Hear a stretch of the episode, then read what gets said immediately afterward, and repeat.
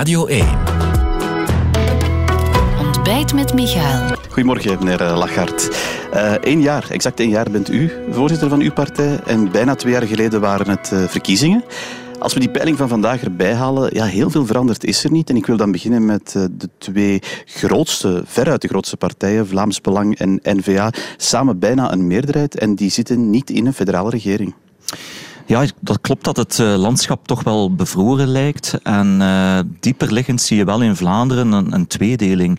Uh, die partijen die in de meerderheid zitten, federaal, die, die besturen, die allemaal heel kort op elkaar zitten en samen ongeveer de helft van de Vlamingen vertegenwoordigen. En dan de andere helft die zich niet vertegenwoordigd voelt en in de oppositie zit. Dus is dat een probleem? Een, dat is toch wel een tweedeling in onze samenleving, die, die, uh, ja, die toch de komende jaren wel wat aandacht behoeft om te luisteren naar elkaar, om ook met de oppositie soms samen te werken, om te zorgen dat het klimaat niet helemaal gepolariseerd raakt in ons land. Ja, want het is twee jaar na de verkiezingen. Uh, die twee grootste partijen blijven veruit de grootste.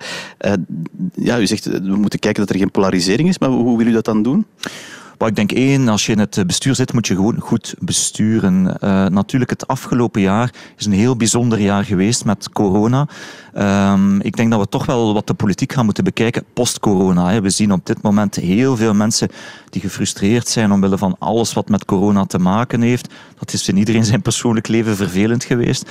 Maar uh, nadien moeten we dit land heropbouwen. En, en, als we daar een ploeg hebben onder leiding van Alexander de Croo die dat goed kan doen, dan ben ik daar zeker van dat de partijen die besturen in 2024 kunnen oogsten. Ja, want uw partij, u noemt u kopman al, maar eerst over het resultaat van uw partij, iets meer dan 11 procent. Ja, echt fantastisch. Is dat toch niet voor een partij die, die de premier levert?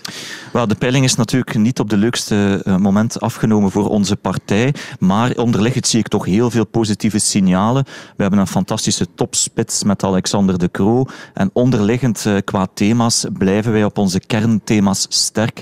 Economie, fiscaliteit, werk. En daarnaast werken wij aan de partij voor de verbreding naar een aantal andere thema's. En dat moet ons echt in staat stellen om te groeien de komende jaren. U zegt niet op het makkelijkste moment, u refereert aan de affaire El Kawakibi, die uw partij duidelijk pijn doet. Hè? Dus heel duidelijk dat dat in deze enquête een rol gespeeld heeft. Verschillende respondenten verwijzen daar ook actief naar. Maar ik denk dat wij dat op de meest kordate manier aangepakt hebben, dat we het konden aanpakken en dat we nu vooruit moeten kijken met uh, alles wat klaar ligt in onze partij naar herpositionering. Uh, ben ik er zeker van dat wij veel groei kunnen kennen de komende jaren. Ja, maar gaat er dan vanuit dat het electoraat, dat de kiezers dat gewoon vergeten?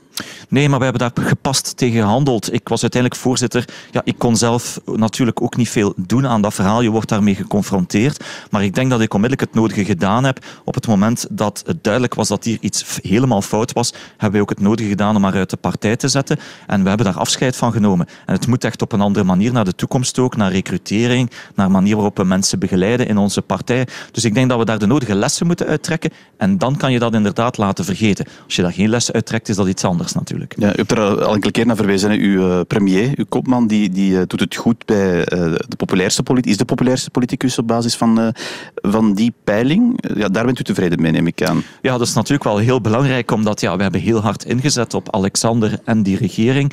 natuurlijk, het moet meer zijn dan dat. Daar ben ik het wel mee eens. En we werken ook in de breedte achter, daarachter.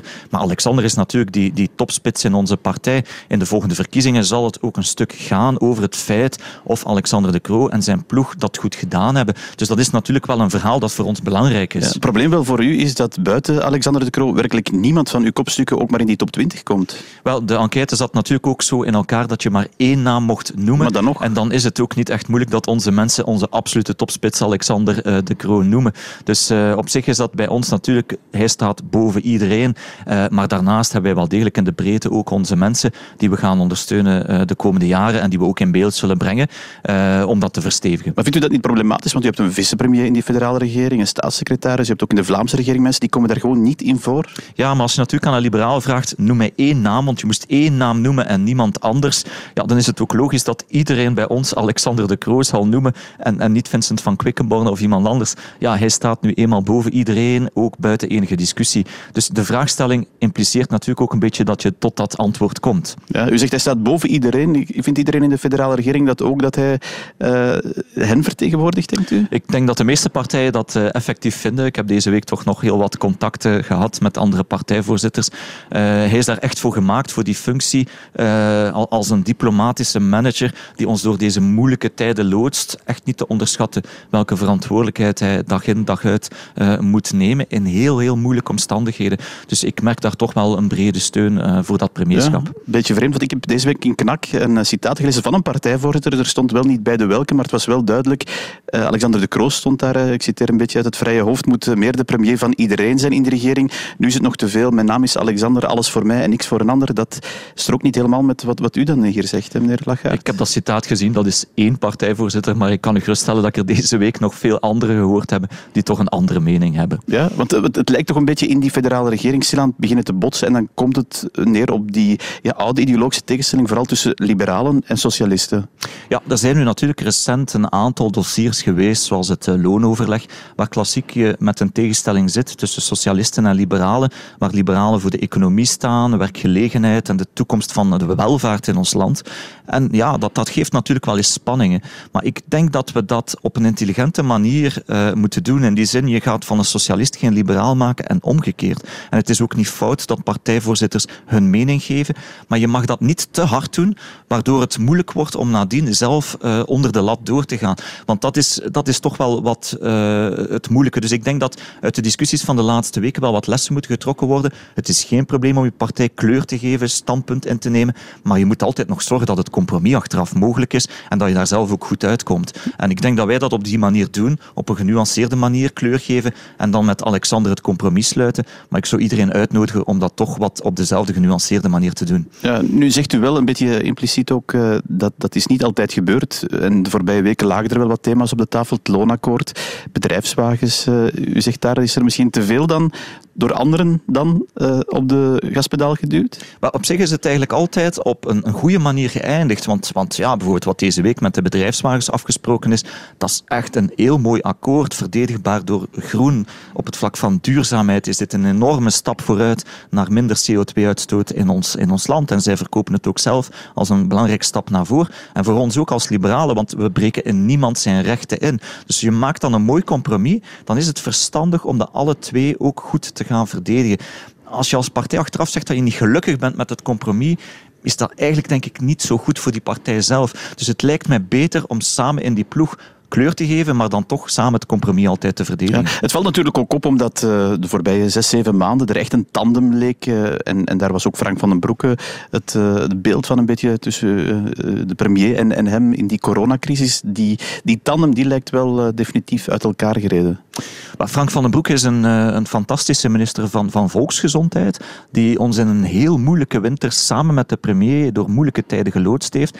Af en toe heel onpopulaire beslissingen heeft verdedigd verdedigd. Dat klopt dat daar veel kritiek op is, maar dat was wel om ons land te behoeden tegen veel erger onheil. In veel andere landen rond ons kun je kijken wat er gebeurd is als men soepeler omging met maatregelen, sneller versoepelen dan het kon. Dan zag je de gevolgen. In Engeland in januari de ziekenhuizen die vol lagen.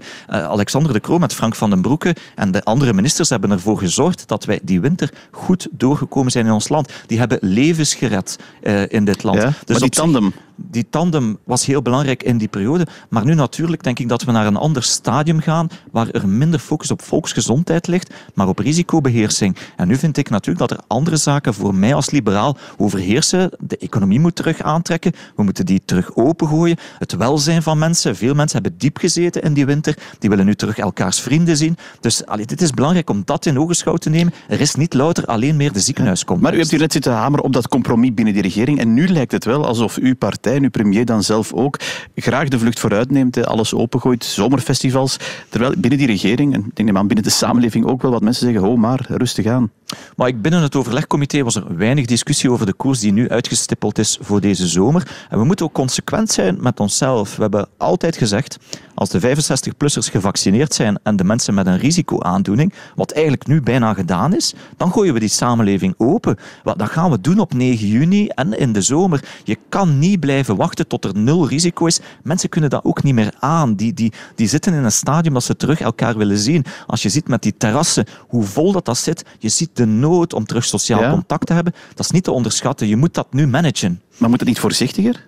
Ik denk dat dit een pad is dat perfect goed loopt. Je ziet ook de cijfers elke dag goed evolueren. Dus ondanks de vrijheid die we nu teruggeven aan mensen, blijft het goed gaan. En dat is ook door de snelheid van de vaccinaties. We hebben 4 miljoen mensen met een eerste prikje. Ja, dat is niet meer dezelfde situatie als in september, oktober of vorig jaar. En dan moet je durven een risico nemen. Ja, u, verwees al, naar het overlegcomité. De komende vrijdag is er weer eentje. Het vorige heeft wel wat uh, ja, punten uh, die niet behandeld geweest zijn. En dan, wreekt zich dat. Hè. We hebben dat van die gezien.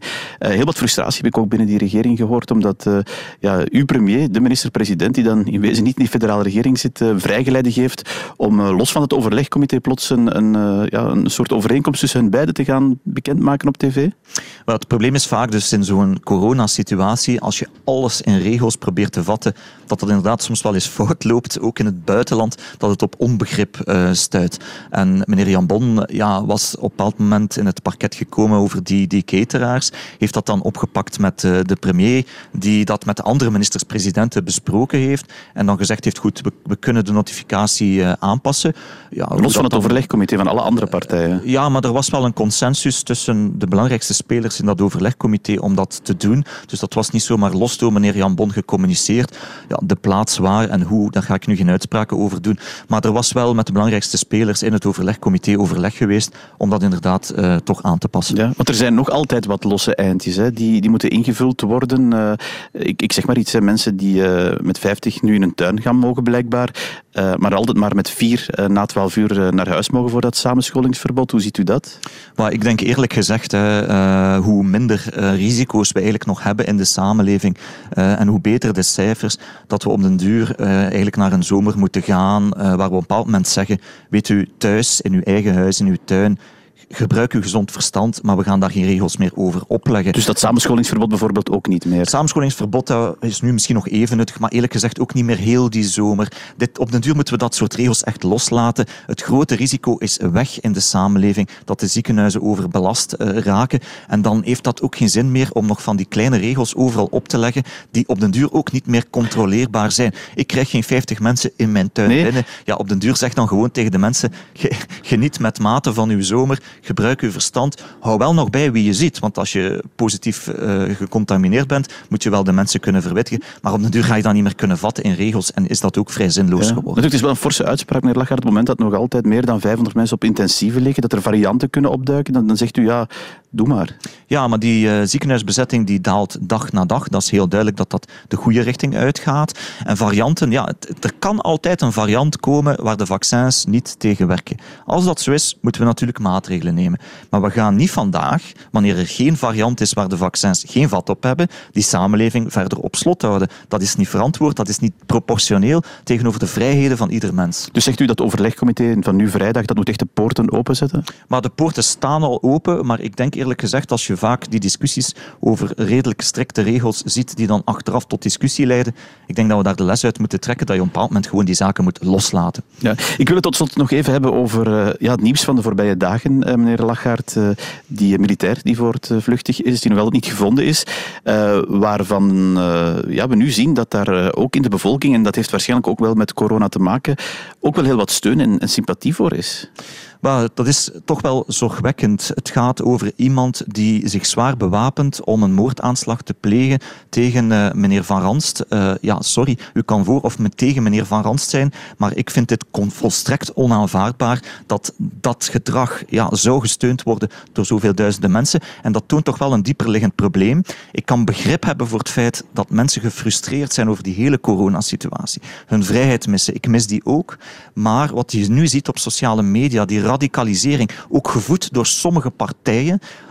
Um, dat ja, wat, wat, wat bedoelt u? Want u zegt sommige partijen, over wat gaat u het maar Eerlijk gezegd, ja, je hebt uiteindelijk de jihadist die het uh, bompakket aantrekt om zich ergens te laten ontploffen en onschuldige slachtoffers te maken. Dat is dan hier meneer Konings. Maar je hebt ook de imams die de radicalisering prediken op sociale media, op websites, uh, met allerlei fake nieuwsberichten. En sommige van die mensen zitten ook in ons parlement, in bepaalde partijen. Dus die maar, hebben ook een verantwoordelijkheid. Paard en, en laten we dan spreken, ja, dan spreken we over het Vlaams Belang, meneer Van Grieken en meneer Van Langenhoven, wie, wie het eh, kanaal van meneer Van Langenhoven pakweg volgt en enkele andere websites van extreemrechtse origine volgt, ja, dat is niet moeilijk dat mensen daardoor geradicaliseerd raken. Maar zegt u nu, zij beschuldigt dan niet voor het vluchtige militair? Zij hebben een verantwoordelijkheid om dit ook te laten ophouden. En uh, het is ook aan meneer Van Grieken en zijn partij om te zeggen dat dat soort gedrag niet aanvaardbaar is. Dat, dat soort chatgroepen waar steun gegeven wordt aan iemand die een moordaanslag pleegt of wil plegen, dat je dat veroordeelt. Maar dat doet hij niet. En op dat vlak is dat zijn verantwoordelijkheid om daar ook op in te grijpen, want het zijn zijn volgers die hier nu dit doen. Ja, u, u verwijst naar die volgers, dat kan niet, hè, mensen die dat liken en zo. Wat, wat kan u daartegen doen? Maar er is toch wel een probleem dat je bepaalde fake news uh, berichten heel moeilijk kan counteren in ons land. We zijn er niet alleen in. in, ja, dit is natuurlijk geen fake news, hè. dit is een, een nieuwsbericht dat mensen nee, uh, maar ondersteunen. Je hebt, je hebt mensen die bepaalde sociale mediakanalen volgen, die op een duur een heel driest wereldbeeld krijgen. Een waar alles corrupt is in de wereld, alles slecht. Corona is een, uh, een, ja, een groot verhaal dat door de regering gemaakt is. Antivax. en op den duur, die mensen hebben alleen nog die informatie en geen enkel beeld meer van de realiteit. En dat wordt op de duur problematisch, zeker als bepaalde politieke partijen zoals Vlaams Belang dat nog gaan boosten. Bent u niet heel zwart-wit aan het eh, voorstellen nu? Want het kan het ook niet uit een, uit een soort frustratie zijn omwille van al die coronamaatregelen? Zeker en vast, dat ligt aan de basis. Maar de islamterrorist, de moslimterrorist die dat doet, die heeft ook aan de basis een bepaalde frustratie. Maar op het einde wordt hij uiteindelijk nog altijd verder geradicaliseerd door figuren die dat boosten. En die zijn bij ons ook aanwezig. Oké, dat is een duidelijke boodschap uh, op, ja, over uh, ja, die voortvluchtige militair die we natuurlijk nog uh, altijd niet is gevat. Egbert Lachaert, voorzitter van Open VLD, dankjewel voor de komst vanmorgen. Dit was Ontbijt met Michael, een podcast van Radio 1. Ontdek nog meer podcasts van Radio 1 in onze app en op radio1.be. Altijd benieuwd.